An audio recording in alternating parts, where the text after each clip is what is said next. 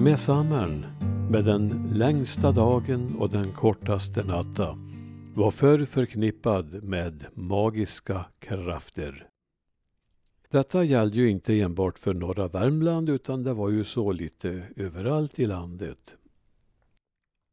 Nya Värmlandstidningen den 20 juni 2014. Om mystiken kring midsommaren finns en hel del att hämta i arkiven.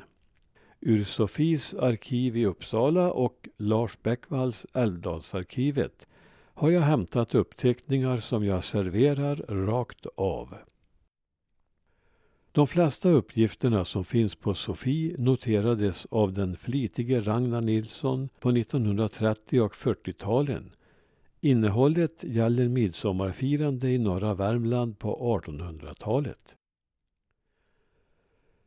En gång då Sigrid Persdotter, Håg-Sigrid, var i Långavsätern vakade hon en natt i en korsväg i tanke att få se sin tillkommande man. Då hörde hon ett brak som om ett härsjegolv hade ramlat och en gammal man kom gående österifrån med en läderväska på ryggen.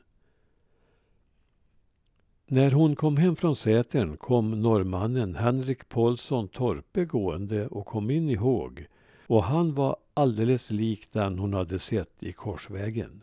Och han hade en liknande väska på ryggen. Hon hade inte sett Torpe förr. Då gick Sigrid in i skålen och grät. Hon blev sedan gift med honom.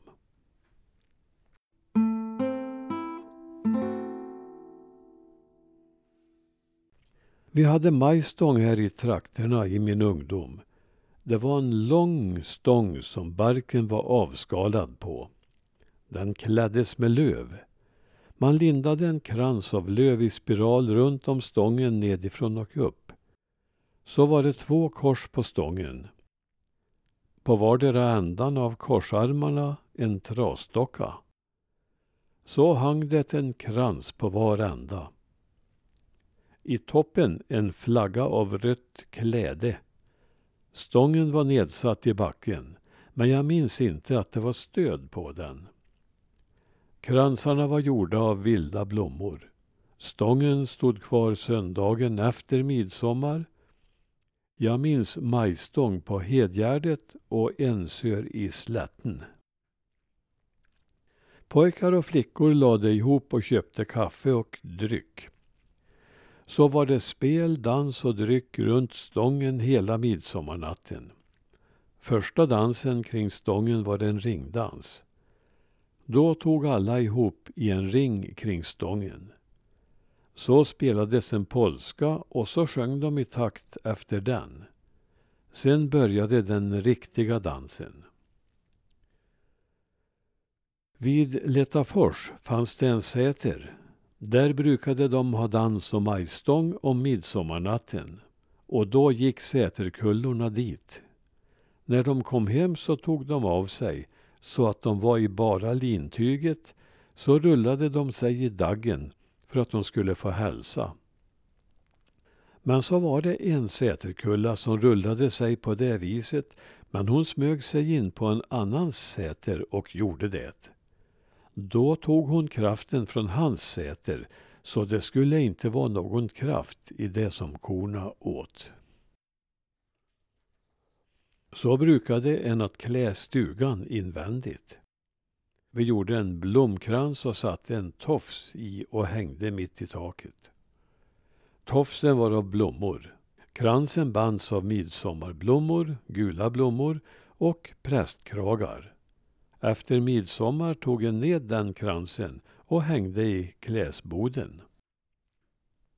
Så tog en in rönnbär och lade ovanpå gardinerna och på hyllor och skåp. Vid taket överst på ommen klädde en med ormgösk, ormbunke förmodligen. Det kläddes runt om på ommen eller spisen. En björk sattes i spisen. Över dörren två björkar bundna ihop till en båge. På golvet strödde en hägglöv. Under bordet hade en fullt med löv. Det lövet skulle sparas för det skulle vara med i julmaten åt kreaturen. Om midsommarnatten plockade en nio slags blommor och lade i en bok och lade under huvudkudden om natten. Då skulle en drömma om käresten sin. Det skulle bli sant, det som en drömde.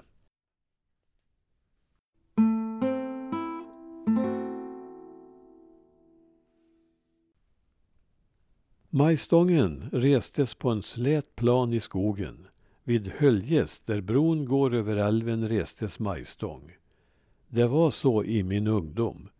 De reste majstång på flera ställen. Det var en vanlig stång som en flaggstång. Den kläddes med vilda blommor och löv. Rönnlöv och björklöv begagnades. Stången virades i spiral med löv och blommor. Så var det fullt med kransar och dockor hängda på den. Det var krans efter krans uppifrån och ned. Högst uppe i toppen en gubbe. Den kallades för Mutti-Anders. Jag såg också majstång med kors och kransar på korset och en flagga i toppen. Så vaken och dans kring denna stången om midsommarnatten. Midsommarsvak. Midsommarsdans och midsommarsvak. Det var dans till morgonen. Pojkarna bestod på brännvin och flickorna bestod på kaffe och bröd. Om midsommarafton hade en så brått med att klä stugan invändigt. Jag minns att vi band kransar och hängde upp. Stora rönnkransar i taket. Kallades för rönnbaltar. De som var i vallskogen och gett, vallade, skulle binda dessa om midsommarafton och ha dem med sig hem. Så pryddes stugan med blommor och löv. Satte blommor och löv i vasar här och där Björkar sattes vid muren och utanför dörren.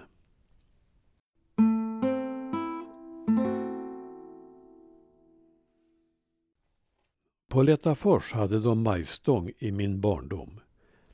En pilrak gran fälldes, kvistades och skalades så att hon blev vit. Så gjorde en i ordning många trähjärter och fäste på stången. Den största ned till och så mindre undan för undan upp till. Något ovanför mitten av stången spikades en ribba så det blev ett kors. Stången virades med kulörta papper. Även så jordera och korset. Girlanger och pappersdockor fästes här och där. I toppen en stor docka eller flagga. Inget trä fick vara synligt. Minns att de kunde ha en värvisare i toppen, som en tupp eller dylikt. Vit, grön, gul, röd och blå färg på papperet. Stången restes på midsommarkvällen. Det fick alla hjälpas åt med. Sen blev det dans kring stången hela natten. Det var så varje midsommar vid Lättafors. Somliga gick flera mil för att komma dit. Stången stod kvar i 14 dagar eller tre veckor efter midsommar. Då gick ungdomen dit och dansade om helgdagskvällarna. Vid somliga stugor gjordes lövsalar som en höll till i under midsommar när en drack kaffe och festade. Sista majstången jag har sett här var 1887.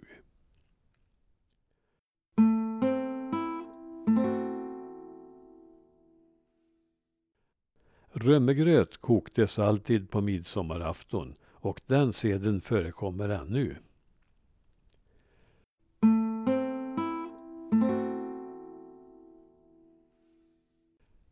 Tidigt om morgonen var de ut och plock gräs på grannens åker och det skulle vara mångslag med dagg i, för då drog de kraftat ur åkern. De skulle fasta på midsommarsafton och gå till en körsväg så fick de se sin tillkommande. Men de fick inte säga ett ord, för då fick de inte se något.